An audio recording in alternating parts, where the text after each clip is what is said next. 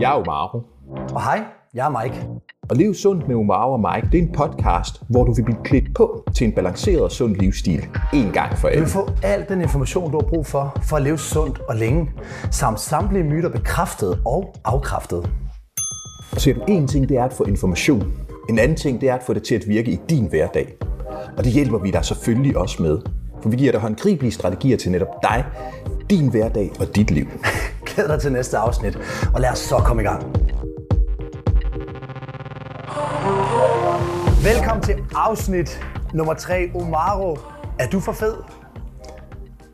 Det kommer an på, hvordan man definerer det. Øh, altså, taler vi kropssammensætning og vægt? Øh, taler vi BMI? Øh, taler vi, øh, hvor synes vi god en rapper, jeg synes, jeg var i mine unge dage? Eller hvor sej jeg synes, jeg nogle gange kan være, når det kommer til sundhed eller ro-træning og sådan videre. Så, så både ja og nej. Øh, Jamen, det er godt, fordi det er, jo, det er jo noget, vi skal snakke om. Vi skal jo snakke om i dag. Ja. Øhm, det her med, øhm, altså overskriften er jo, er du for fed? Og lidt, ja. alt, alt, alt, du kan, vide- alt, du skal vide om vægt og kropssammensætning, overvægt. Ja.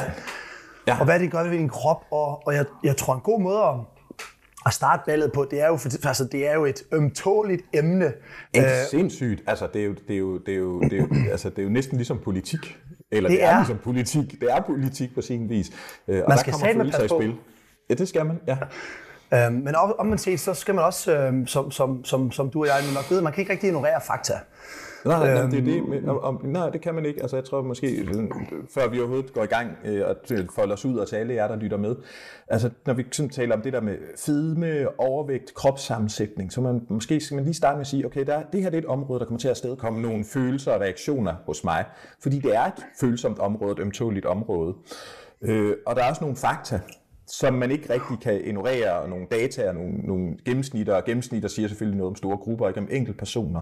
Mm. Øhm, men at man måske skal starte med at sige, okay, nu er de følelser, der kommer op i mig som det allerførste, i stedet for at jeg løber med dem, og derfor bliver sur eller tvær, eller øh, får modstand på, på det ene eller det andet synspunkt, sige, det er noget, man skal igennem. Men ja. Det er et emne, som man ikke kan ignorere, øh, og nogle gange mm. de her emner, de kommer til at, der, der kommer til at være noget, der kan være lidt svært eller hårdt, eller hvor man føler sig sådan lidt, uha, hvad er det for noget? Øhm, Præcis. men, men hvis man accepterer det, så kan man også komme videre og, og, mm. og, bevæge sig rundt i det og, og komme et andet sted hen. Ja, fordi, og ja, lige nøjagtigt, og det er også, øh, det er sindssygt svært, altså jeg synes, det er et svært emne, jeg synes, det er et rigtig fedt emne, jeg glæder mig rigtig meget til at komme i gang, jeg skal også skynde os med, men jeg synes, det, Ja. ja. det der er mest interessant, det er jo, at, øh, altså kigger jeg på mig selv, og, og kigger jeg på, på den krop, jeg nu render rundt med, så er det også utrolig svært øh, for mig som coach øh, nogle gange at skulle, øh, at skulle fortælle folk sandheden og sige, ja. øh, jamen altså i forhold til din kropssammensætning, så, så, så er du sgu, og nu kommer ordet, som vi selvfølgelig ikke bruger i fagtermer, så er du sgu for fed. Og Ja. øh, omvendt, omvendt set, så, så, så er det vigtigt for mig som coach at, at, at virkelig øhm, informere mine klienter omkring, altså den BMI eller den kropssammensætning, du har lige nu, den kan på sigt skade dig. Ja, ja. Øhm, Det, og, Det og, og, og, og det, som jeg har oplevet, øhm, specielt på mine sociale medier, når jeg er ude og tale fakta, så har jeg selvfølgelig oplevet, at der kommer tolkninger fra øst og vest, og det er jo ja. det fantastiske med sociale medier, der kommer en masse reaktioner. Men ofte så har jeg oplevet, at øhm, jeg får noget modstand i form af, at øh, hvem er jeg at fortælle, at en krop er for fed? Eller øh, ordet for fed bruger jeg jo aldrig, men hvem er jeg at fortælle, at en krop er overvægtig, og øh, hvorfor er det, at man skal se ud sådan og x og y og z i kroppen? Og det er en tolkning, ja. som jeg synes er utrolig øh, interessant, fordi at som vi skal snakke om i dag, jamen så er der nogle ting, som gør, at vores kroppe op, altså er optimale, og nogle ting, som Yes. gør, at vores kroppe faktisk er det, der modarbejder det, vi egentlig gerne Ja. vil.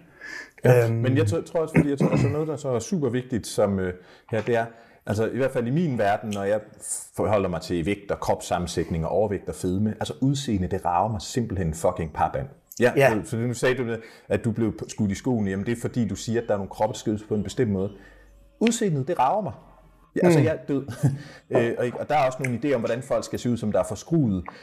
Jeg, jeg synes, det er relevant, interessant måske det forkerte ord, men fagligt er det interessant at forholde sig til fedme og overvægt og kropssammensætning, fordi hvis der sidder for meget fedt, og det sidder på den forkerte måde, lige forkerte steder, så udøver det oftest en eller anden form for biologisk terrorisme på din krop eller ravage.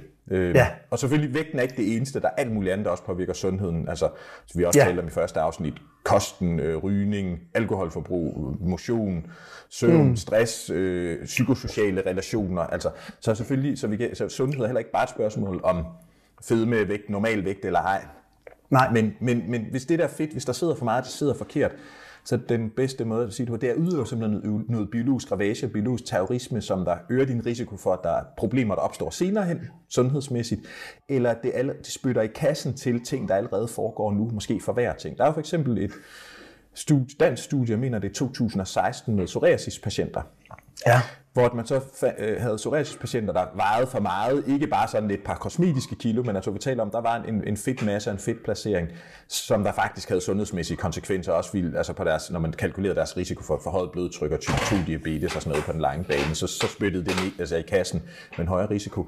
Og da man hjalp dem til at tabe sig ned i, i, i normalområdet, eller altså at ændre kropssammensætningen ned i det, vi vil kalde for sundt, som der ikke har noget at gøre med udseende, så, øh, så vidt jeg kan huske, så var sværhedsgraden af deres psoriasis gennemsnit halveret. Wow. Altså, så det vil sige, at deres Wow. fedtvæv, fordi det, der var for meget, det sad forkert, det har larmet så meget og spyttet forværret situationen så meget, så den psoriasis, der var der, den oplevede de symptomerne fordoblet. Ikke? Og det Ja. siger jo noget om det. Altså, ikke? Ja, ja. Og det er jo derfor, jeg synes, man skal forholde sig til, til vægten. Altså udseende sådan noget op i øh, Op i mølle. med- Op i mølleskabet med det. Rumpetten med det. Det, det, er ikke, det, er ikke, det er ikke det, det drejer sig om. Op i røven med Øhm, det.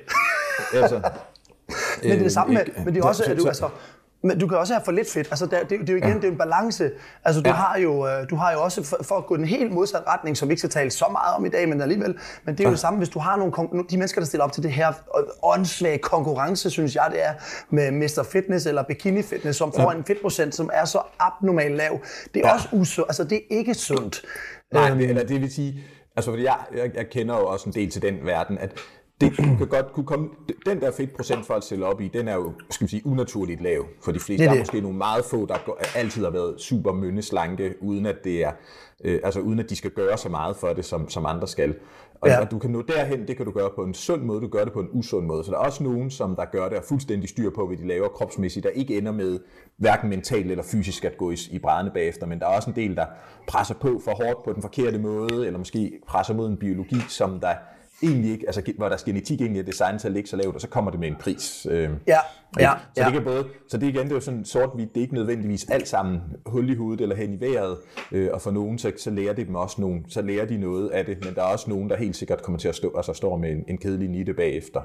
Lige nøjagtigt. Og det, det, men- det, det, men- det, det, det, er min point var, ja. Lige præcis. Ja.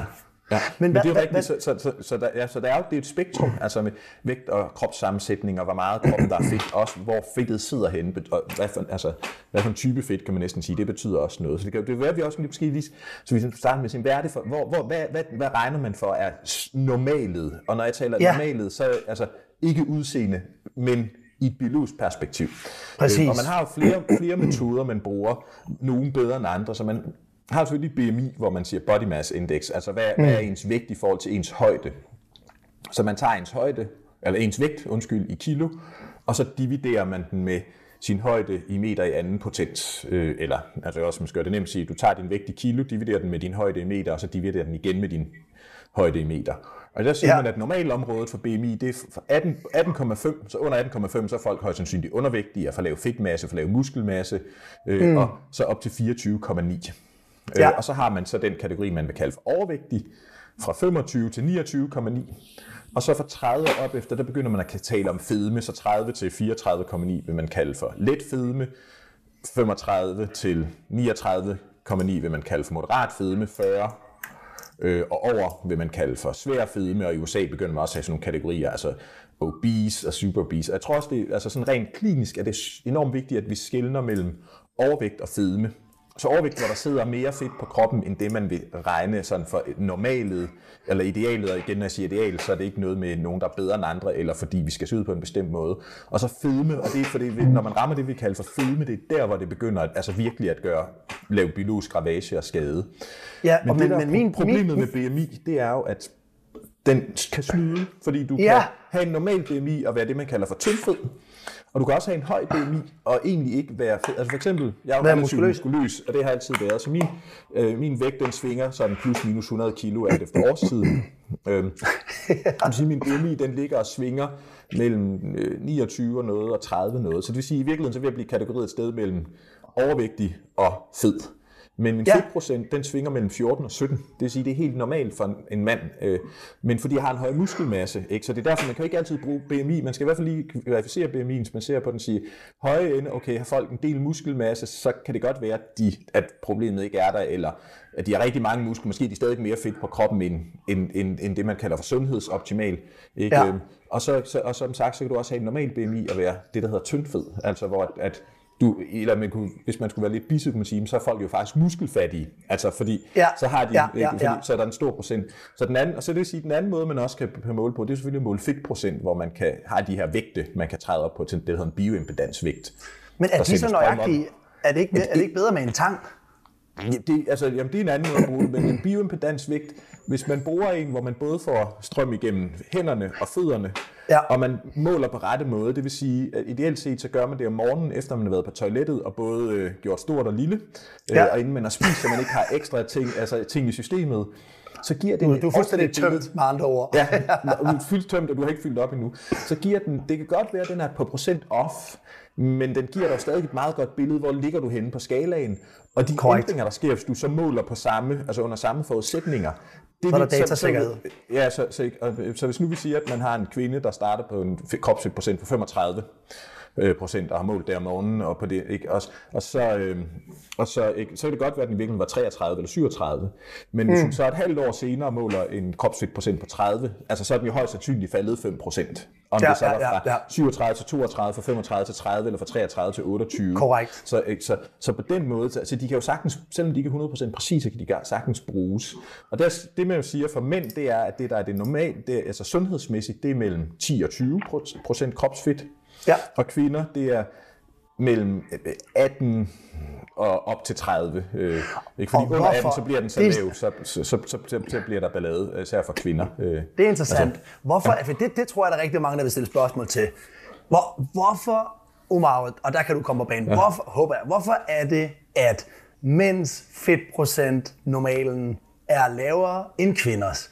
Jamen, Det er fordi, mænd, altså med os mænd, vi har biologisk set relativt mere muskelmasse, og kvinder i, i sådan et øh, forplantningsperspektiv, så giver det god mening, at kvinder har noget mere fedt på kroppen, fordi det er mere energi til foster og til øh, modermælk, altså under amning. Øh, ikke? Og selvfølgelig også altså de hormonelle forskelle, der er med, at øh, mænd har mindre østrogen og mere testosteron, og østrogen har noget påvirkning på, øh, altså på, på fedtmasse og fedtplacering, uden at man skal ende ud at sige, jeg kan ikke tabe mig, hvis man altså vejer for meget, og det er bare på grund af mine hormoner. Det er meget sjældent. Det er nogle få sjældne cases, men det bliver tit brugt som en undskyldning. Men Ja, det forholdet, forskellen mellem øh, at testosteron og mandlige kønshormoner og så østrogener, øh, som kvinder har flere af, ikke, det, det gør også noget på, på, også på, på formen. Altså øh, sådan en, en, en pæreform med øh, noget talje øh, og noget, altså ikke Ja. så, så det, det, det er derfor, der er den forskel. Og så man også, mm. fordi, som du talte om det der, okay, hvis man kommer for langt ned, så giver det problemer. Det synes som om kvinder, de bliver påvirket mere end mænd, hvis deres fedtprocent bliver for lav. Det, man formoder, at der er noget, altså evolutionært biologisk i det igen, at fordi det, der sker, hvis kvinder kommer for langt ned, det er, at deres, altså det går ud over deres hormonelle cykel, hormoner, så deres menstruationscyklus, fertilitet, det kan også ramme stofskiftet, øh, ikke, øh, så, øh, relativt hårdt. Øh, Øh, Øh, det gør det også for mænd, altså de har ikke menstruationscyklus selvfølgelig, men for kønshormoner. Men kvinder bliver påvirket mere, og hvis man kigger ind i miljøet med folk, der stiller op i de her konkurrence, altså i body fitness, body fysik, bikini fitness, bodybuilding osv., eller selvfølgelig også øh, i atletikmiljøet nogle gange kvinder, der jo og, og sport, altså i det hele taget verden, og selvfølgelig også uden for sport, hvis der er noget anoreksi eller bulimi eller, eller ortoreksi, at så kvinder de døjer med flere problemer længere tid. Og det er højst sandsynligt, fordi det, der sker, når fedtprocenten bliver så lav, så siger kroppen, okay, det der forplantningsnøde, det kræver jo ressourcer og energi. Mm. Så når der er så lidt fedt på din krop, så vil det sige, at du bærer rundt på for få ressourcer. Du må være et energifattigt og et, et ressourcefattigt miljø rent ernæringsmæssigt. Så vi sl- slukker lige for den der mulighed for forplantning, fordi sandsynligheden for, at du kunne klare en graviditet, i hvert fald dengang vi farede rundt ude øh, på savanner og sletter, i regnskove og i bjerge og bakker mm. og, og, og, og dale, og hvor det nu ellers strande, og hvor det ellers var ikke. Øh, eller at, der, at du har energi nok til amning bagefter. Den er jo for lav, så derfor så slukker vi skulle lige for det der fertilitet og kønshormoner. Og det kan godt tage lang tid at få, øh, altså få, få tilbage igen. Ja, Ikke? Så det er så fandme interessant. Fedtprocenten, den bliver sådan en indikator. Ikke? Så, så mænd 10-20, kvinder 20-30 groft sagt, eller 18-30. Øhm, ikke? Øhm, så kan man sige, så, så det kan man, og så kan man, så, man kan bruge sådan en, man kan også, en tang kan man også godt bruge, men igen, altså hvis man bruger, altså laver sådan nogle øh, 10-punktsmålinger, hvor mange man laver, øh, ja. så, så, så er der også noget altså potentiale for error, fordi at øh, hvem bruger tangen, og hvordan får man fat, og sådan noget. Men igen, de ændringer, der sker fra start til slut, altså hvis det er den samme person, der gør det, de er nogenlunde konsistente, eller mm. vedholdende i, hvordan de gør det, det vil jo nok også altså, give det, altså, det samme billede. Øh, ja, og så, ja. så er der selvfølgelig the gold standard, det er det, der hedder en DEXA-scanning, øh, altså, men, men det er sjældent, så man kommer i sådan en scanner, fordi den kan vise, der, der kan man også se nogle vilde billeder nogle gange. Folk kan helt klart se, altså hvor det sidder henne fedt ud. Øh. Men, det, men det er ret interessant, fordi at, at når, når, øh, når, når jeg nu sidder og coacher mine klienter, så, så er der rigtig mange gange, den her den sker. Ja. Det er, at men Mike, jeg taber mig bare ikke, mand. Nej. Så kigger jeg, og så ser jeg på deres billeder, og så siger jeg sådan, nej, men det har sgu nok noget at gøre med, at du bygger sgu nok noget muskelmasse, samtidig med, at du taber noget fedt. Ja, ja, nej, men, ja, men, men, men, men jeg vil jo tabe mig. Så, så, så siger jeg, nej, men du, du er jo på vej i en sund retning, for din muskelmasse ja. Stiger jo øh, ja. i takt med, at din fedtmasse, den, den, den tabes. Ja, ja. Men jeg vil gerne ned og veje 59 kilo, Mike. Så siger jeg så, ja, ja men, men, men skal, vi ikke hellere, skal vi ikke hellere fokusere på nogle sunde vaner, nogle gode vaner, og sørge for, at din ja, ja. fedtprocent ikke er alt for høj? Ja. Øhm, og det er jo klassikeren. Det, ja, men det er jo det der med, at antal kilo, altså hvis man skulle, igen, nu gør jeg det sort-hvidt, sådan er det ikke, men for at illustrere det, i virkeligheden så er antal kilo fløjtende ligegyldigt. Det er det jo ikke. Men, men fordi det, det er jo, hvad består de kilo af? Og det er jo ja. lige præcis siger, at så folk siger, jeg taber mig ikke, eller jeg taber mig meget lidt. Altså, øh, det tv-program, som jeg er ekspert på TV2, kan man spise sig rask. Øh, der, jeg kan huske, at sæson 2, sæson 2 der havde en skøn kvinde med Lone, som øh, meget slaghaftig, skøn dame, men med forhøjet blodtryk og sådan type 2, mild type 2 diabetes, og som, og som hun også hun havde, altså hendes, hendes fedtmasse var for, for stor. Øhm, mm. og så efter 6 uger, så var hun helt sådan, ej, jeg har kun tabt mig 4 kilo. Og hun tænkte, jeg burde have tabt mig noget mere og sådan noget. Men så, ja. da vi, så vi målte jo også kropssammensætning på dem. Ja, lige og, og, og så, men, men, men, men, men faktisk så ser det ud som om, at, øh, at, altså, at du faktisk har, har revet 6,5 kilo fedt af. Det vil sige, der er 2,5 kilo muskelmasse, du har taget på. Altså, ja, så det er lige præcis ja, ja. det der med, at, at, med, altså også, at, at, det der med at sige, det er den her vægt. Altså jeg har også klienter, der kommer til mig, øh, hyppigere kvinder end mænd, øh, og det her, man skal passe på med, i de her tider med at komme med, med kønsadfærdskarakteristeringer, øh, men det er, det, er, det er den oplevelse, jeg har, det er så mit eget bias, eller de klienter, der kommer til mig, der siger, mm. jamen, jeg skal bare tabe 5 kilo, og så når vi undersøger deres vægt og kropssammensætning, så i virkeligheden skal du ikke tabe 5 kilo, nogle gange skal du ikke tabe et eneste kilo, men vi skal flytte balancen mellem, hvad der er fedt og hvad der er muskel på dig. Øhm, lige altså, fordi, så, så, det, så det, det er det. Og så vil sige, for nu tænker folk jo, okay, hvordan evaluerer jeg, fordi at, øh, okay, BMI var ikke præcist nok, øh, eller det kan snyde, og hvis jeg ikke lige har adgang til en, øh, sådan en vægt, eller nogen, der kan lippe i mig med en tang, for det kan man ikke gøre på sig selv. Øh, det er jeg kan ikke have en DEXA-scanner. Hvad man så det, der også giver ikke et perfekt mål, en ret, godt, en ret god indikation, det er livvide. Så man mm. simpelthen måler sin livvide øh, med et målebånd. Øh, og ikke, så det vil sige, man måler de, for de fleste er det lige på navlen eller lige over navlen, men, men igen for, for, for kvinder, der er født, eller de har fået kejsersnit, eller man har fået altså, kirurgi i mave, i, hvor mm. maveskinnet rykket, så kan navlen jo sidde længere nede end normalt. Så teknisk set, så er det midt imellem nederste ribbenskant og øverste hoftekamp, så ude på siden sætter en finger i, så man finder det nederste, altså kanten af ribbenet ude på højre eller venstre side, og så flytter ned og finder toppen af hoftekammen, og så finder ja. midt imellem de to, og så rundt om der, som der for de fleste vil ramme lige på navlen. Og der har man også nogle, altså nogle, igen, nogle gennemsnitstal, hvor man siger, at mænd, de bør være, idealet for mænd, det er 92 eller 94, lidt efter hvilket studie du ser på, eller halvdelen af højden. Og det er det laveste mm. af de to tal. Så det vil sige, at hvis du har en mand på 61, så duer det ikke med 92 eller 94, så er det altså øh, 80 cm.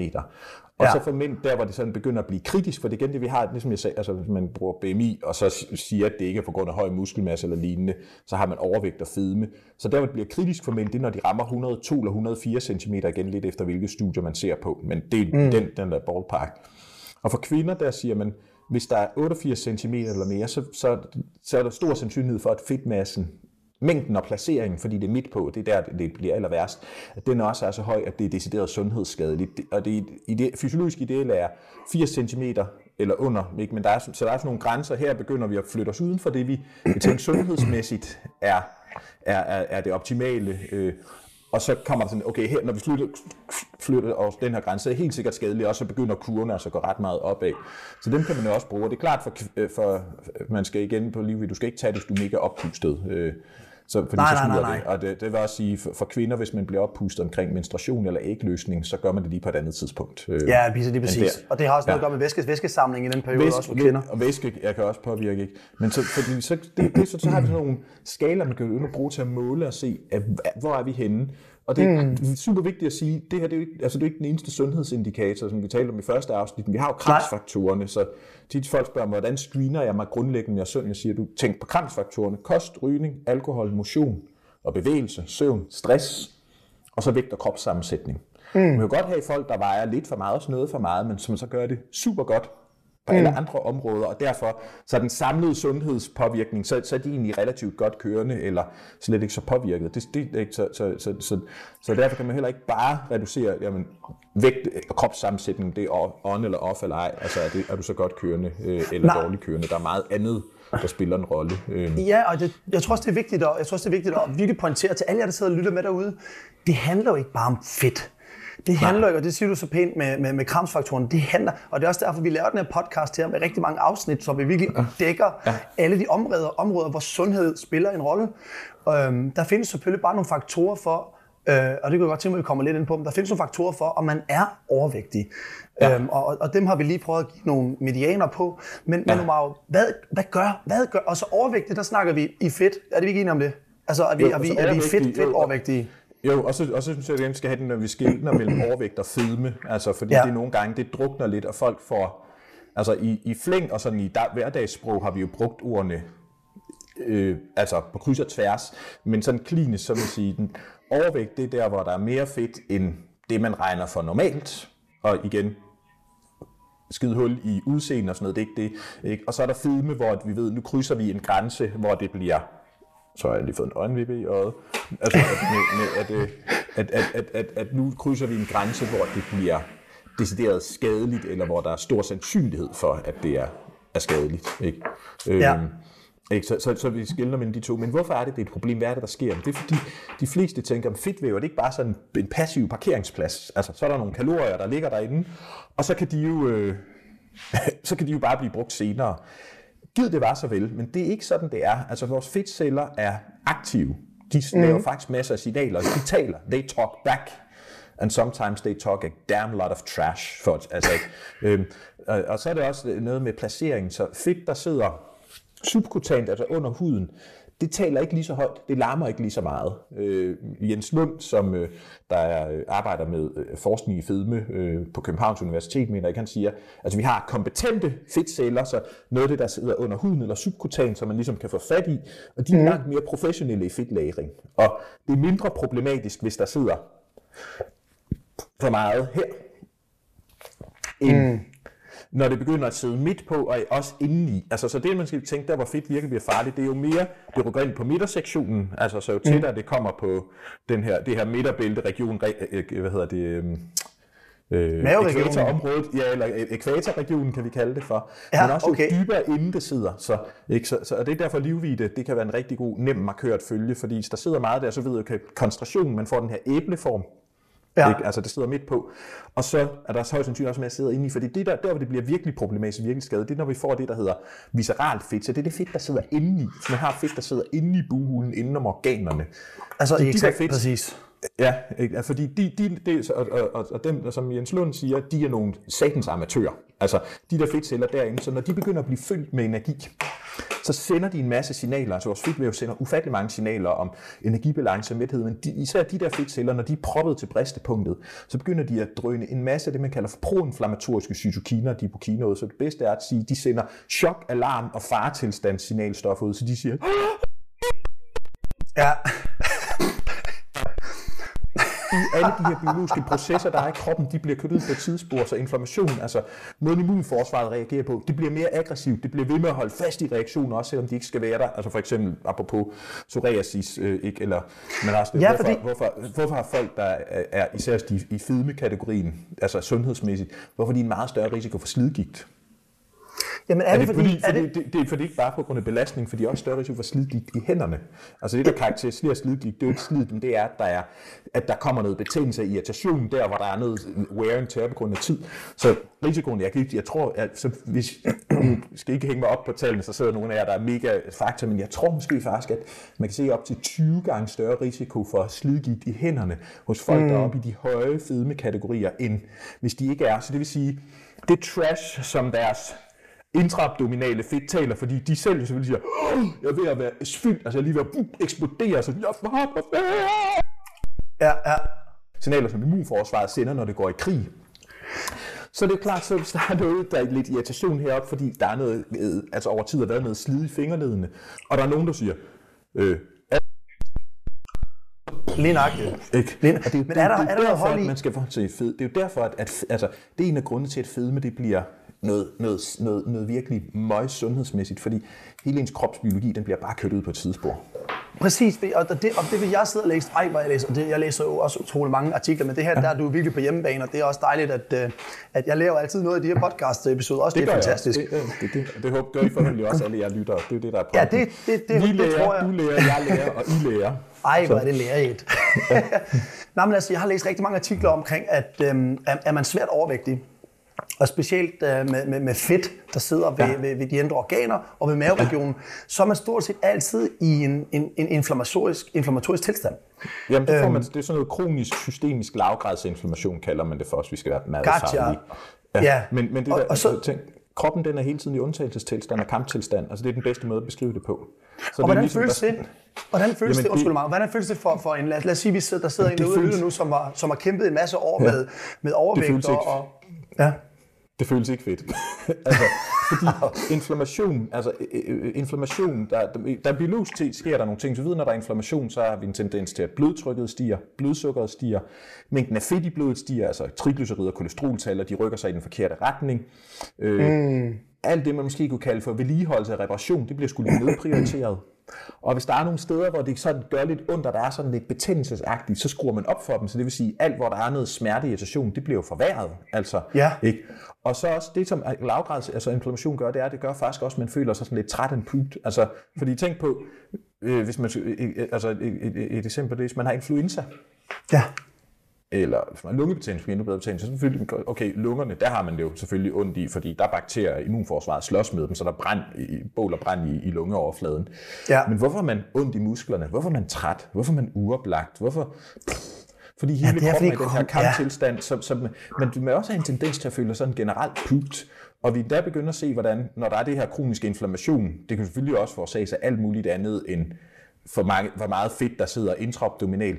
Det begynder at påvirke hjernekemien, som ikke produktionen af serotonin og dopamin, og det, der hedder brain-derived neurotrophic factor, øh, og måske Ja, ja. Øh, oxytocin falder, så nogle af de signalstoffer, som der spiller en rolle. Oxytocin, er det, ikke- er det kærlighedshormonet, er det ikke det? Det er det, jo, det er, ja, i hvert fald et af dem. Jo, det er det. Ja. Ikke?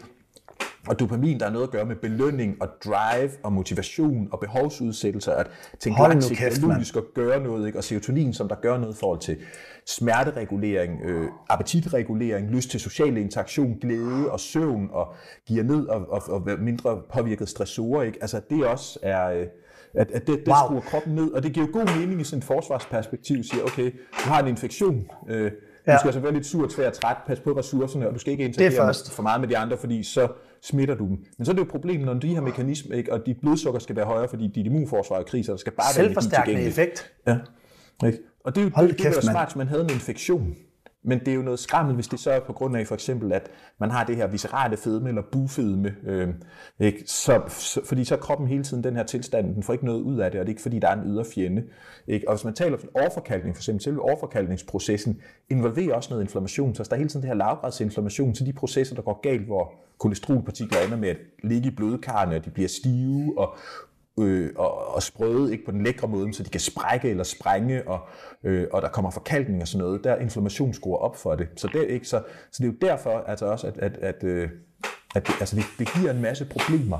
Øhm? Og det er derfor, jeg synes, man bliver nødt til at forholde sig til det, og, og, og, og nogle gange skulle arbejde med det, hvis der sidder for meget fedt, eller hvis der sidder forkert placeret, for det er jo det, man kan have folk med en BMI, der ligger Ja. fuldstændig inden for normen, mens man så måler fedtprocent på dem, eller så måler visceralt fedt, nogle af de her vægte kan også give et estimat for, hvor meget der sidder derinde.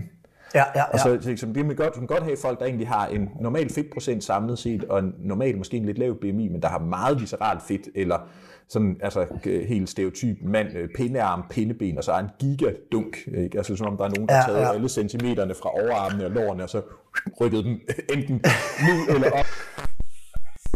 Øhm, Ja, en, en Ikke? Ja. Ikke? Men, Ja. men det er jo derfor, det er relevant. Og så også altså, lige lidt mere nørder, farvenørderi, men så får den med, fordi når så begynder at gå rigtig vildt for sig, så begynder der også at sidde fedt i de indre organer, ikke bare rundt om organerne, men indeni. Så altså, når det bliver helt BMLM, så begynder man at, øh, øh, og det er desværre oftere, end man tror, så begynder der at sidde fedt i leveren, og måske endda busbytkirtlen, det vil sige, at man er blevet fograriseret på sin Ej. vis, altså man begynder at få fedtlever. Og det er altså, så klart, fordi så først begynder at sidde fedt i leveren, så har du fandme nogle problemer. Et, det vil sige, dine kompetente fedtceller og de mindre kompetente, de har sagt, vi kan ikke følge med. Ja. altså, så nu begynder vi at lære i leveren, og hvis du lærer i leveren, ikke leveren, den har altså til opgave at filtrere dit blod for Præcis, ja. affaldsstoffer, så det fungerer nok lidt dårligere. Men din lever spiller også en super stor vigtig rolle. Den er med til at regulere blodsukker, den er med til at regulere kolesteroltal. Så normalt så har leveren sådan en buffer, siger, jeg kan holde på noget af det der noget. Og der er lidt for meget kulhydrater komme ind. Jeg kan godt holde på 100, 150, måske 200 gram, så frigiver den bare de næste 24 timer. Men det Ja. kan den jo for fanden ikke, hvis leveren så siger, "Uh, uh, Nej, nej. jeg er baconiseret op til, der kommer noget energi ind. Det kan jeg sgu ikke hjælpe med. Altså, fordi jeg Nej. kan ikke... Øh, jeg sender det hele videre, også selvom blodsukkeret bliver for højt. Det også selvom overskud. derude siger, at vi kan ikke holde på mere. Så begynder man at få et problem, ikke? Og det er også det, det der viscerale fedme, altså at sidder fedt omkring organerne, som, og de bliver talt trash til af fedtcellerne, der er derinde, der ikke er særlig kompetente. Ellers mm. organerne er fedtet til. Også busbytkirtlen, altså man kan se med type 2 diabetes, så øh, i mange tilfælde, så begynder der også at sidde fedt ind i busbytkirtlen.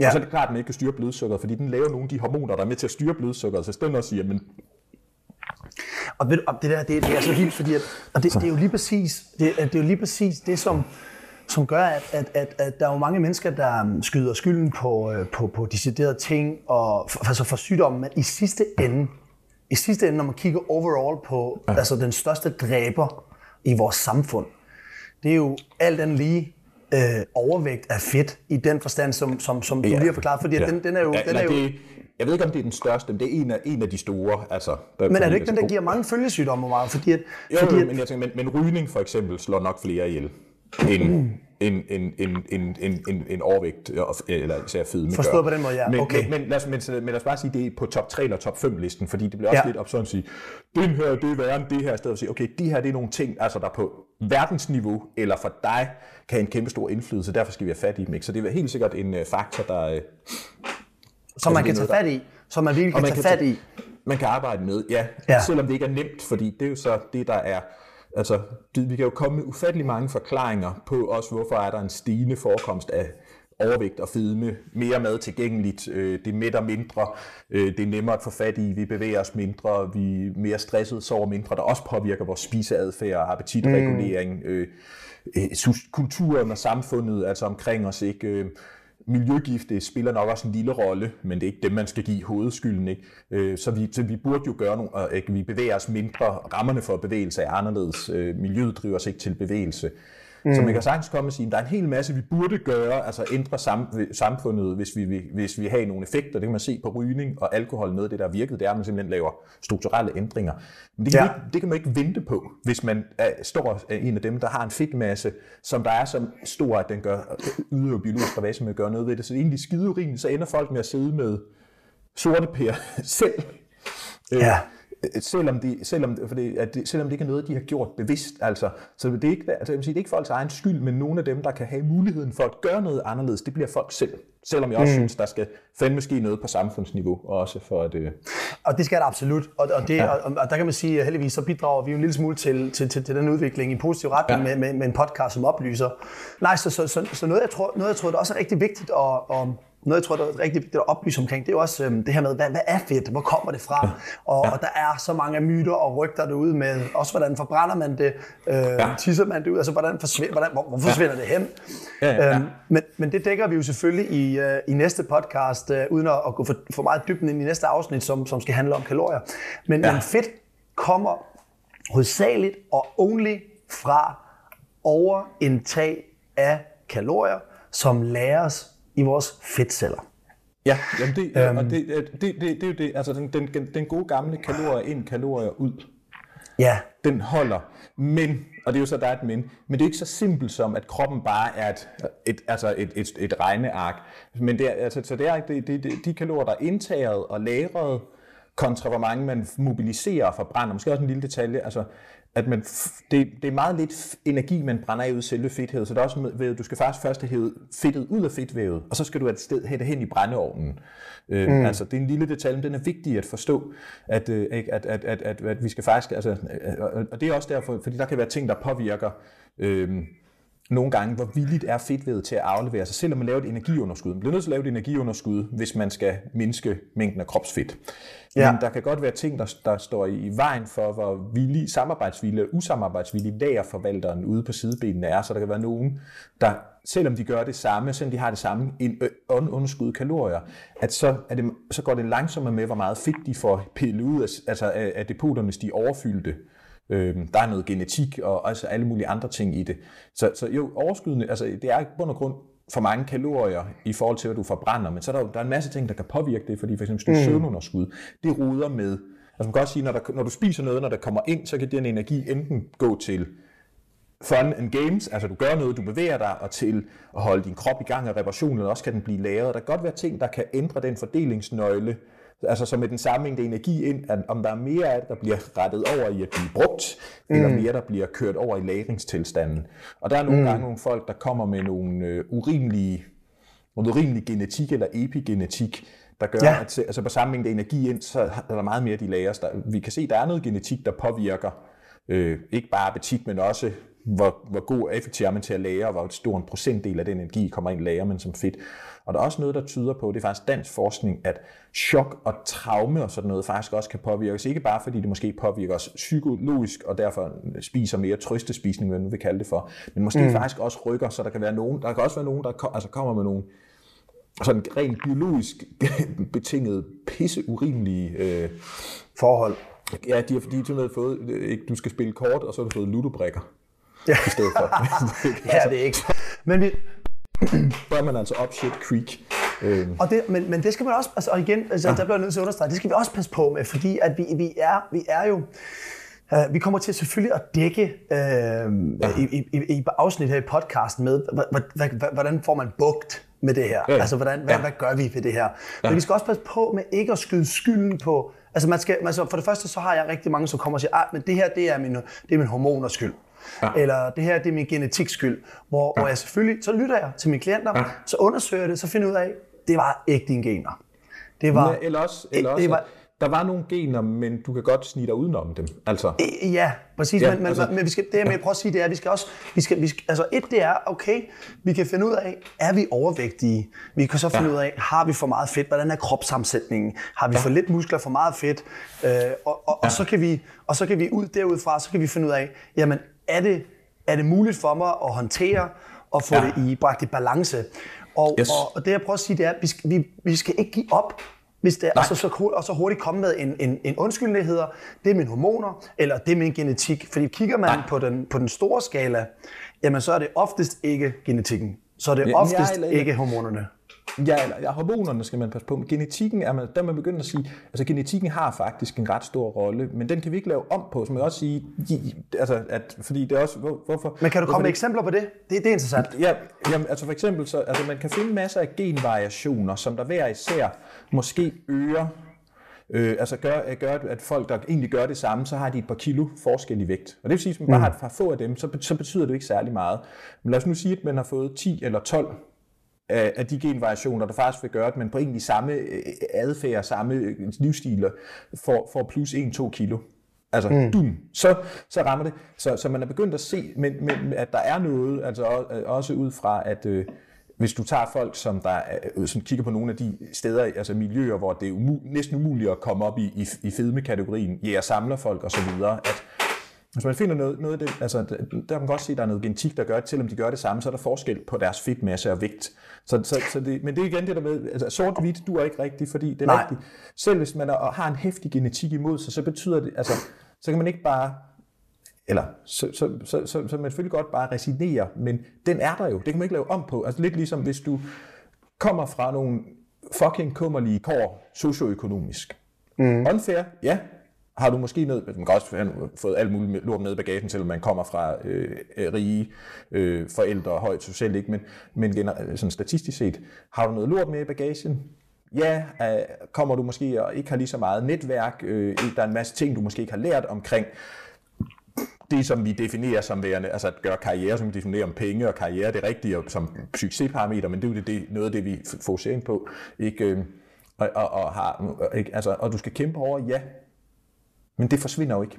Altså, så, Nej. så, så, så derfor, så, man, altså, man skal måske acceptere, at der, der er noget, der kan være der, men det behøver ikke at blive en undskyldning for ikke at gøre noget.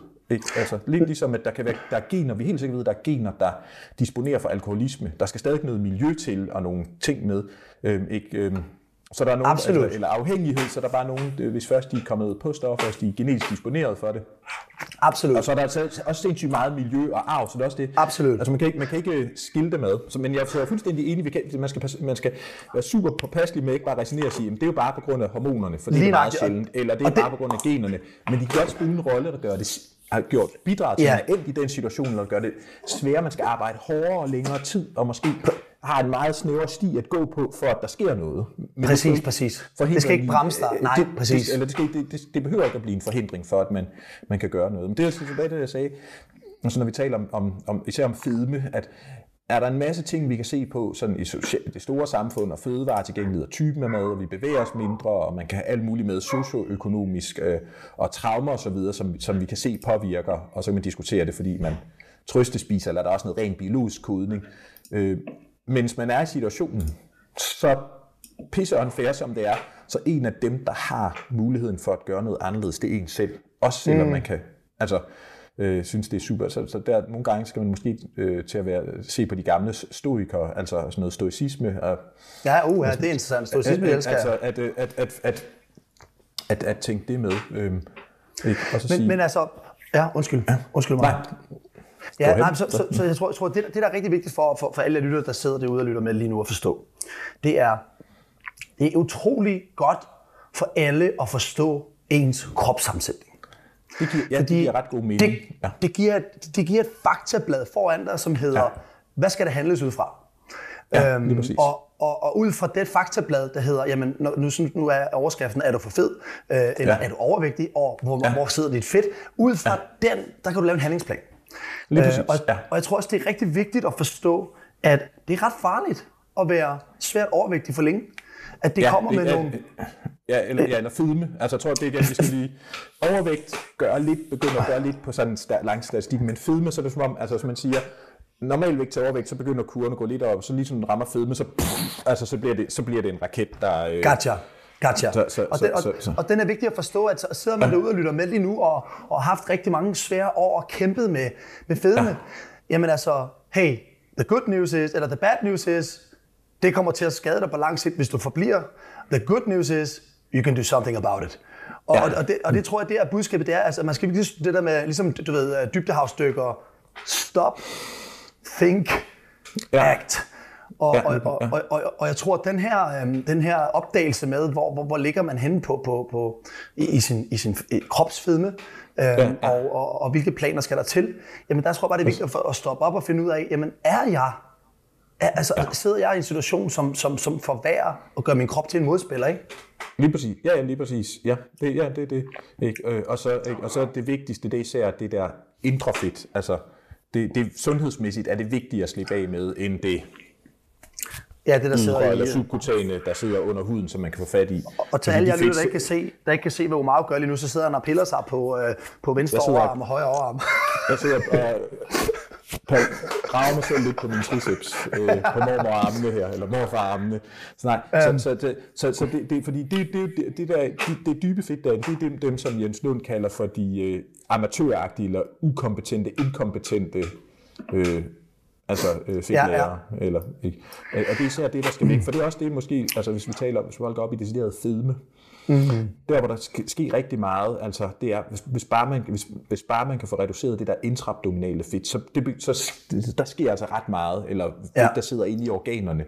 Øh, derfor, derfor, det er, sådan, der får du rigtig meget i forhold til, hvor lille en ændring der er i samlet vægt. Øh, Ja. ikke? Så det, det er noget det vigtigste. Og det er faktisk, at normalt siger, du kan ikke punktforbrænde fedt. Altså, Uh, det er hvis da du rigtig laver lave øvelser, så kan du ikke... Så, så, men, men der, hvor man faktisk godt lidt kan punktforbrænde, det er, at der sidder fedt indeni. Det er der dybe Okay. fedt. Så motion hjælper med at få det til at forsvinde. Ja. Så man begynder at bevæge sig og være fysisk aktiv. Ja. Øh, typen af fedt, man spi- spiser, spiller nok også en rolle, men i hvert fald ses, man overfodrer folk, så de er vækststabile, og man så begynder at give dem for mange kalorier. Så man så giver dem primært det overskydende fedt, altså som man fodrer med 1000 kalorier for meget døgnet for eksempel, og så primært mm. giver det som mættet fedt, eller som sådan noget meget usundt fedt, altså øh, resterne fra frityregryden og panden, mm. så brænkede fedtstoffer, så har det en tendens til at sætte sig dybt indeni, hvor det er skadeligt. Men ja. Hvis man så overfodrer folk med 1000 kalorier i døgnet, hvor det bliver den type fedt, man finder i fisk og avocado og mandler og så videre. Vegetabelt fedt, ja. Øh, vegetabilsk fedt øh, fra, men, men fra altså, kan vi sige, hele fødevarer, så sætter det sig mere subkutan. Så der er også noget med, at folk, hvor der er for meget fedt inde i, de ændrer fedttypen. Øh, stadig primært vigtigst energiunderskud. Øh, Ja, ja, ja. Men, så, men fedttypen også kan, så der kan man på sin vis godt gøre noget punktforbrænding. Og der er også noget, hvis du har, der er også noget, der tyder på, at hvis du har et reelt blodsukkerproblem, er kun, du har, Ja. der, er mange, der er mange flere, der tror, de har det eller ej, så kan man måske også godt gøre det nemmere at få fjernet noget af det der fedt, der sidder inde i, ved at skære øh, alt fra mild til moderat til hæftigt i kulhydraterne, ind til blodsukkeromsætningen normaliseret. Mm. Så der, er- der er nogle gange noget, man kan gøre, så ikke, øh, men, men, det- men det skal ikke tolkes som, når så meget han sagde bare, at man skal bare spise low carb. Nej. Så taber du dig uanset hvad, eller, eller bare du spiser monumættet fedt fra avocado og mandler og oliven og olivenolie og flermættet øh, Så er du safe. fedtfyr, så, så er du safe, eller så, så forsvinder fedtet. Men der er alligevel nogle nuancer, der inden for den ramme, der hedder, lad os lave et energiunderskud, som der kan...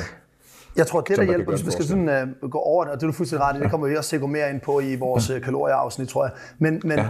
men, men, men hvis, hvis man virkelig skal få, uh, få, få gjort noget ved, øhm, sin, sin, hvis man sidder i en fedmekategori og, og føler, at nu er det skulle på tide at, at gøre noget ja. ved det, jamen der koster motion selvfølgelig den absolut største ja. faktor.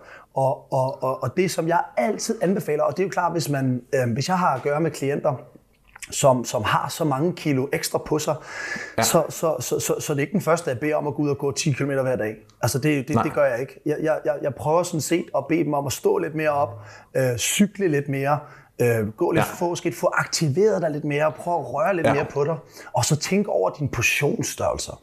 Øhm, ja, ja. Du ved, små skridt. Øhm, øh, og, og det ja. tror jeg... Og, og, og, og, og, Og det tror jeg også, for det er jo su- super vigtigt, fordi altså, det, vil sige, ja, det vigtigste, hvis man skal tabe noget fedt, det er jo, ja, du siger, energiundskud og mad og motion. Og så motion gør noget andet for, øh, altså det, det har nok nogle effekter end bare kalorierne, man forbrænder på kropssammensætning. Det gør det måske Ja. at mobilisere fedtet, det med at få fedtet ud af fedtvævet, som jeg talte om. Ja. Men, men, men, men, men, men så er der jo hele det der game, der hedder psyke, adfærd, vaner, rutiner, mm. miljøet, der påvirker en, og den skal man jo knække. Altså den bliver man nødt til at se og forholde sig til også, fordi det er, jo, det er jo lige så vigtigt. En ting er at finde nogle redskaber, hvordan får du dem i spil? Altså, ikke? Og det er, jo, det er jo der også, tror jeg, der, der, kan, der, der kan virkelig komme noget følelser i spil, fordi som til at forholde sig til, hvorfor spiser jeg det, jeg spiser? Hvorfor er det på grund af sorg? Er det på grund af kedsomhed? Er det fordi, det har jeg lært, selvom det måske ikke var godt for mig? Altså, ikke? Så, så jeg tror også det der med, når man pirker til det med at vægt, overvægt og fedme, taler om det, der er en masse folk, der kommer, dem der bliver trigget af det, de kommer til at føle skyld og skam Ja. over noget. Og det, så det er super vigtigt i hvert fald for mig at håndtere, når jeg forholder mig til vægt og kropsmasse og fedt og sådan noget.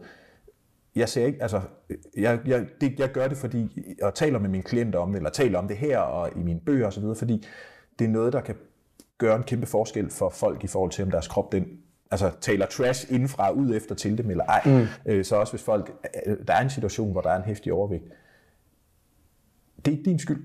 Altså, på, det, det er slemt skyld, og, og, og, og egentlig, det rager mig en papand, hvordan vi er kommet hertil. Det, jo, det er interessant at finde ud af, hvordan det er kommet til. Det lærer os noget om, hvad vi kan gøre for at komme videre herfra. Lige nøjagtigt. Det er ikke din skyld, en men lad os tage ansvar. Lad os tage ansvar. Ja, ja, jamen det er det, altså det kan Ja. jeg faktisk, tror jeg måske, jeg kan sagde det i første podcast, og der er noget interessant med øh, at tage ansvar og sådan noget, som jeg først også har lært i mine ældre år, at at tage ansvar er ikke nødvendigvis at sige, der er en situation, som der er min skyld, men det er at sige, hvad er det, jeg kan gøre herfra, Ja, for at hjælpe med at flytte situationen et sted hen, Ja. der er anderledes end der, hvor vi er, så vi ikke vil være, hvor vi er. Altså, at øh, det, er, det, det er også det er at tage ansvar.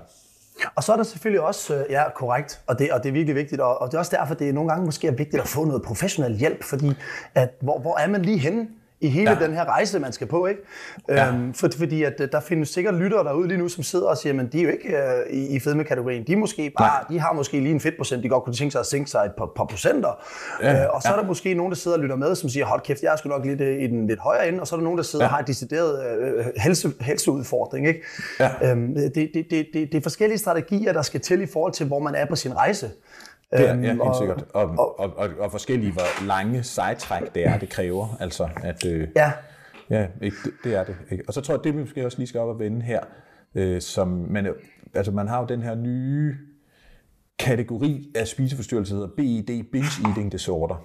Altså hvor der er noget omkring, at folk de binge-eater og overspiser, hvor der er tit er ufattelig meget psykologisk i det. det skal man måske, altså den er også vigtig her med, at, at, at altså, det har vi også talt om tidligere, at, at vores, vores adfærd er ikke bare drevet af logik. Øh, så derfor så kan der også være noget, hvor folk, altså hvor de er, bliver mega udfordret eller presset på et logisk set, kan de selv og andre godt se, at det er da bare sådan, man skal gøre. Men så er der, så er der et eller andet, der har folk, altså der sker noget, nogle dybe primitive mekanismer, om det er sorg, mm. om det er traume, om det er noget genetik, om det er noget biologi, eller hvad det er. Og tit er det jo en pærevælling af det, der Altså, ja. hvor der slet ikke er kontrol med, og, og, øh, hvad, hvad man spiser, og mængderne man spiser, hvor man ligesom mister kontrollen. Så jeg synes også, det, man kan godt lære noget af, hvordan, man, hvordan ikke drikkende alkoholikere håndterer alkoholisme. Det, nogle af, af dem, som jeg følger ret, ret meget, og sådan, altså fagligt, det er Nadolski-brødrene fra USA, øh, Spencer mm. Nadolski og jeg kan ikke, hans bror, øh, men ikke lige huske videre til fornavn, som der begge to er læger, og faktisk også, og den ene han, øh, han er også endokrinolog, altså hormonspecialist, og så arbejder de også begge to specialiseret i fedme og overvægt. Ikke? De siger jo, at, er det, det dem, der hedder RP Strength? Nej, men øh, Spencer han øh, er tilknyttet som læge, som en af de lægerne, der er ved RP Strength. Gotcha, okay. Der er til, ja. Så, men, men, ikke, men, men de siger, og det er ikke de eneste, der siger, der er så mange, der, at måske skal man, altså fedme skal man måske faktisk kategorisere som kronisk sygdom. Mm. Lidt ligesom man kunne sige, hvis, altså alkoholisme, hvis man er alkoholiker, så kan man være ikke-drikkende alkoholiker, men der er stadigvæk et spøgelse, der ligger ja. der, som man måske konstant skal danse med, og man konstant skal øh, gøre noget proaktivt for at ikke få lov til at tage overtaget. Ikke? Og det, det, det, det, det tror jeg også, man, altså det, det, det at, at tænke, ikke? Fordi så er der nogen, der siger, nej, det, det kan man ikke, og dem, der siger, det er folks egen skyld, de er bare tage sammen, ikke til for kronisk sygdom, og sådan lidt for at sige det pænt, det ved ikke en skid om. Det, altså det svarer Nej. til folk, der ikke, ikke ved, hvad alkoholisme er, der siger, kan du ikke bare lade være med at drikke? Øh, nu eller, folk, der har, eller folk, der har en, folk, der har en depression, bare husk at smile lidt mere, det går ikke, det er ja, ja. bare så nej, let. Nej, nej, nej der, altså der, det, det, det skal man simpelthen være med at udtale sig om. om ikke? Men ja. også, at man måske selv skal tænke på den måde og sige, okay, så jeg står her, og også hvis man har tabt sig, altså øh, ned i normalvægt, eller fra fedme til overvægt, øh, og tænke, det her, det, det, er, det, kommer, altså det er faktisk en kontinuerlig kronisk kamp. Øh, altså, det, og det er ikke for at være lyseslukker øh, og, og ligesom kan skabe et unødvendigt negativt billede, men, men, men det, altså, faktisk det her det med mente kan måske også for nogen, så bliver det nemmere, altså også folk, der måske, hvis man er bipolær, altså øh, bipolær, det lider bipolær ja. lidelse, at sige, okay, det her det er noget, jeg, jeg højst sandsynligt kommer til at danse med resten af livet. Men ja. der er nogle ting, jeg kan gøre. Jeg kan gøre nogle træffe nogle foranstaltninger, jeg kan være opmærksom på det, men der ved der er noget, jeg kommer til at danse med, og måske skal, øh, hvor jeg ikke må, hvor jeg kommer til at skulle bruge ekstra ressourcer. Mm. Øh, Øh, og så er der andre steder, hvor man måske ikke behøver at bruge så mange ressourcer. Men det er jo lidt det, vi dækkede det... i forrige afsnit med, med det her med, ja. med, med, med vaner, altså ja. vanesløjfen, ja. og, og, ja. og være opmærksom på, på, på ens triggers, og, og ja. være opmærksom på, hvad er det egentlig, som man døjer med, som man tyrer til hele tiden. Ja, ja, ja, lige, ja. Så, ikke? Og så tænker jeg også, fordi hvis, hvis man tillader, altså vi siger, at at, at man godt kan, altså i hvert fald nogle gange kan klassificere fedme som en kronisk sygdom. Mm. Så vil jeg sige, fordi, og der nogle gange så bliver folk helt paf, når jeg siger det her, fordi jeg er jo rigtig pro mad, motion, altså alt det, man selv kan gøre, øh, kosternæring ja. og de, men, men nogle gange, hvis vi siger den kroniske tilstand, så kan det faktisk godt være, at der skal noget medicin på banen. Øh, mm. Altså nu er der kommet noget, noget, nogle af de her øh, GLP-1-analoger, øh, som man oprindeligt lavede til type 2-diabetes, øh, men som der også kan have en appetitregulerende effekt. Var det Novo øh, Nordisk, der kom med den for nylig? Der kom en, der kom en ja.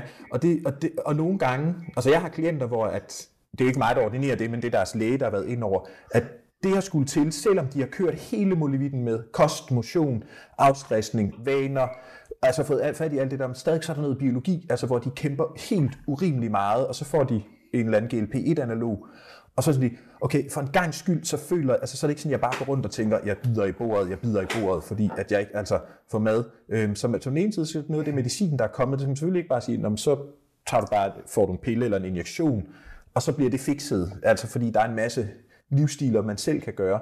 Men jeg tror også, man skal acceptere nogle gange, hvis vi siger, at det, at, at det kan være et kron, altså en kronisk tilstand eller en kronisk sygdom, noget man skal bokse med hele livet, så kan det godt være, at der faktisk også skal noget medicinsk hjælp til. Og jeg vil jo også Uha, sige, gastric uha, bypass, det er jo en hæftig, det er jo, det er jo et hæftigt indgreb, øhm, og, og, og, men, men nogle gange, så er det faktisk, så jeg har jo klienter, hvor vi, jeg både arbejder med klienter, som der har fået gastric bypass, hvor vores mål så at finde ud af, hvordan kan vi få dig næret godt nok med den lille mavesæk. Ikke? Men jeg har også en enkelt klient, hvor det endte med, at vedkommende fik gastric bypass, for de havde fandme gjort alt, hvad de selv kunne. Altså, jeg havde været ind over, der havde en masse andre ind over med kost og motion. De havde virkelig gravet dybt i psykoterapien og med psykologer og kropsterapeuter og psykoterapeuter og ja, hele muligheden. Der var en, der sågar også havde været ude i at køre, altså prøve sådan noget ayahuasca-terapi og øh, svampe, altså medicinske svampe Hold da øh, kæft, shamaner for at forløse traumer. Ikke?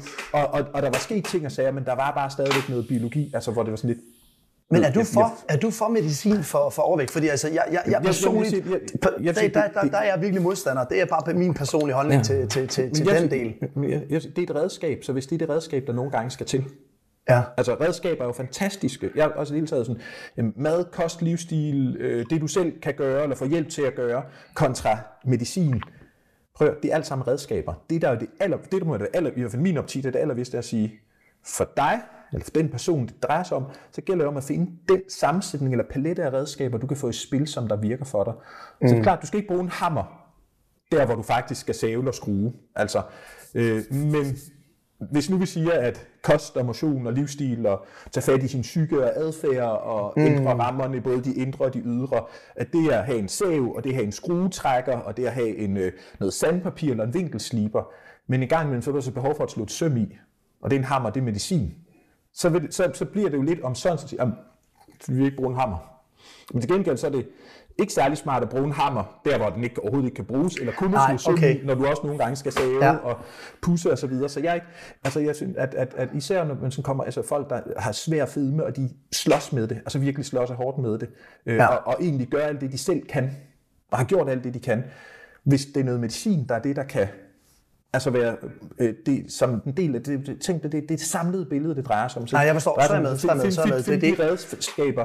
Men det er det der igen, folk gør det meget sort-hvidt. Altså, Ja. du skal bare tage dig sammen. Det er bare kost, det er bare motion, det er bare kalorieunderskud. Nej, okay, Eller, så er jeg med. det Bare medicin. Det er redskaber, og det er pisse kompliceret, og så lige altså med fedme og overvægt. Det er et, et, et, altså det er et emne, som der sætter folks pis i kog, en selv, for andre, og man får følelser, og det kan være, at man føler sig skamfuld, øh, eller kommer til at have nogle, noget ubevidst, altså øh, tænker ned om folk. Man har lavet sådan nogle, der har set nogle øh, lidt uhyggelige studier, at folk, der egentlig selv synes, de er super liberale og tolerante, øh, altså og, og, og åbne og så videre, så alligevel så har de sådan noget, du ved, øh, nogle gange noget ubevidst bias om, mens folk de er svært overvægende, så det også var deres egen skyld, at de er sådan lidt dårlige Ja, mennesker. ja, ja, og det, ja, ja. Ikke? Og sådan noget. Altså, så der, er, der, er sådan, der er en hel masse følelser. Der, er- der er noget af det der primitive Thor bavian shit, der er i spil.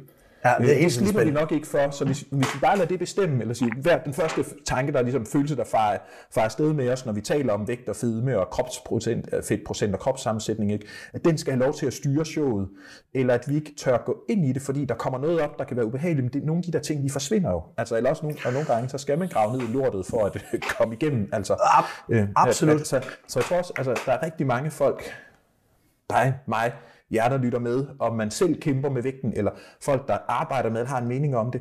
Prøv lige et øjeblik at kigge på de følelser, altså, I har, det der ikke er sådan rent objektivt, og så overvej, hvor kommer det fra? Mm. Gør det mig godt eller dårligt, det her? Mm. Altså, får jeg noget ud af det? Og er det måske noget, jeg skal finde en måde at lade stå i? Altså, øhm, men det skal ikke have lov til at bestemme og definere det hele. Og hov, hey, husk alle sammen, der sidder og lytter med her, I er mere end velkommen til at skrive til både Omaro og mig på, ja. Ja. på, på vores Instagrams, øh, hvor vi er til Ja. at nå. Hvis der er, I sidder og har nogle efterfølgende spørgsmål, det er også lige vigtigt, det har jeg faktisk glemt at sige Ja, i de ja. andre podcast.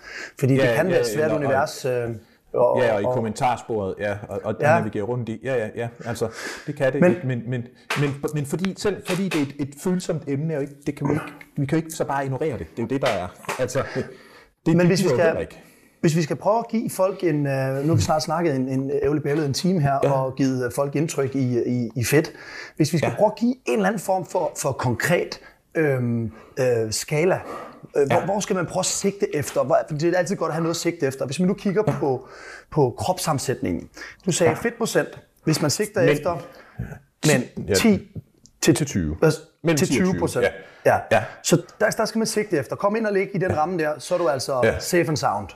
Ja, og så at se på liv, og livviden, som der måske faktisk er vigtigere endnu. Altså, Ja. øh, fordi den siger også noget om, så til der med at sige livvide, ideelt set, ideelt set under 92-94, altså, så lad os bare sige 94, vi giver for, Ja. men også maks halvdelen af højden, så hvis man er lav, så er det ikke 94, der gælder, altså, så er det, halvdelen af højden, så hvis man er 1, 1, 1,60 for eksempel, så er det 80 cm, og så at, hvis mænd de ryger over de der 104, så bliver det, altså det er der, hvor vi kan se på sundhedsstatistikkerne, så begynder det rigtig tit at virkelig eskalere og gå og køre op ad, ad bakke. Okay. Øhm, Og, og, kvinder, og kvinder fedtprocentsmæssigt, hvor skal man sigte efter, Umau? 20 og 30, hvis vi skal gøre det nemt. Og, ikke, Ja, og, vi prøver og- det lidt nemt. Ja, 20, mellem 20 og 30, og øh, en livvide, der er under 88 cm. Ideelt set under 80, men 88 er ligesom der, hvor det er begynder at nå noget kritisk masse, øh, altså at være rigtig problematisk. Og hvad så med, øh, for det, det er så godt, det tror jeg, det, tror jeg, det er håndgribeligt. Ja. Det, det, det, tror jeg er en god øh, målestok, og så kan man altid, hvis man har brug for øh, yderligere støtte, øh, kontakte Ja. også, eller en, en anden professionel. Ja. Hvad så med muskelmasse? Det har vi jo ikke nogen mål for. Det er jo noget. Nej. mærkeligt noget. Det burde man måske have, men det, men det er også det er svært at lave mål, fordi der kan jo være sindssyg forskel på muskelmassen, selvom folk er sunde, fordi der er faktisk helt sikkert også noget genetik, der påvirker mm. muskelmasse. Sådan en bøf som mig, og jeg er jo selvfølgelig totalt nørdet, så jeg har testet rigtig meget genetisk på mig selv, og jeg har rigtig mange af de gener, der koder for høj muskelmasse og mange type 2 muskelfiber. Det er dem, der vokser og er store, eksplosive. Øhm, ikke? Så derfor det var kun da jeg var virkelig, virkelig syg, at, altså ellers har jeg altid været ret muskuløs, var kun da jeg var ekstremt syg, øh, at, øh, og helt ude at skide, også bogstaveligt talt, at jeg havde lavet muskelmasse. Men der Ja. kan være andre, som der øh, ellers gør, som jeg gør, der slet ikke vil have den samme muskelmasse. Så derfor er det måske, altså det, det er svært at sige, at du skal have den her muskelmasse, så meget der procentuelt skal være muskler.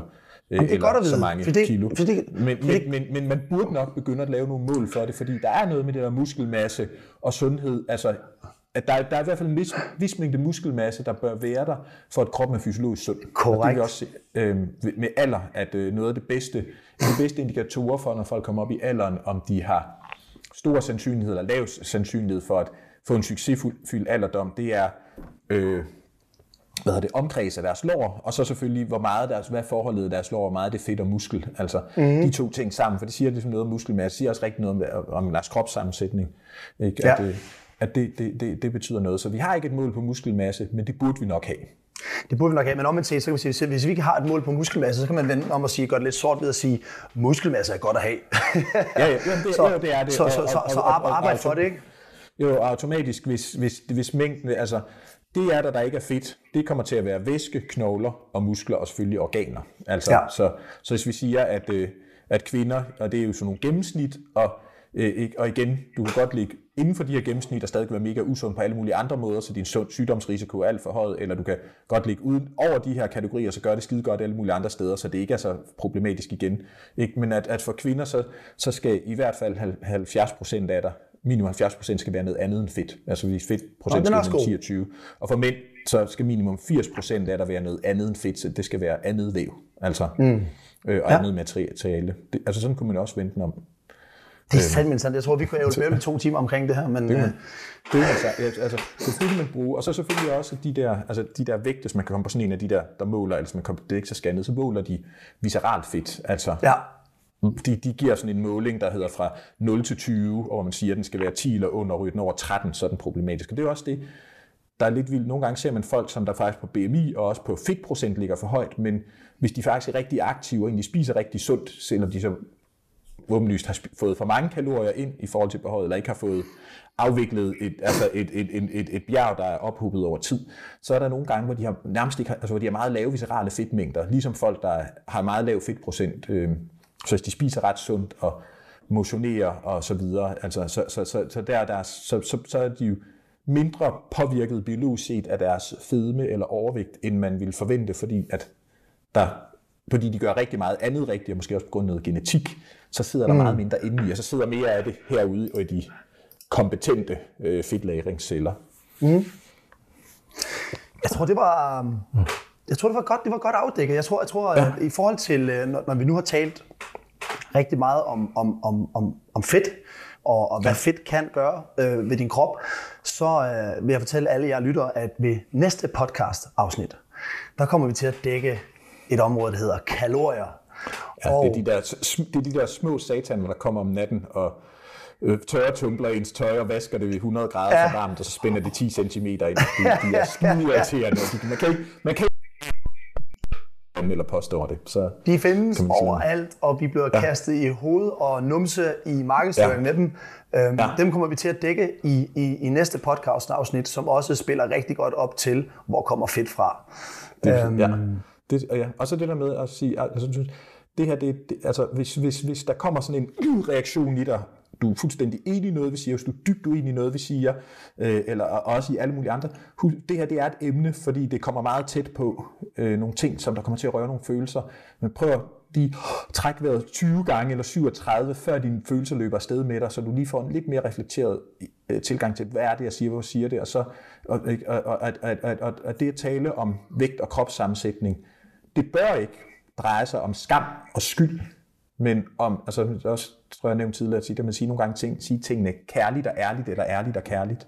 Mm. Så her er noget, som, vi, vi, som, som man kan forholde sig til, der faktisk siger noget om den tilstand, din krop er i, og måske også er et sted, hvor der er noget, vi kan gøre noget for at få en krop, der lige præcis er mere medspiller og mindre modspiller. Øh, præcis. Men det er ikke nødvendigvis nemt.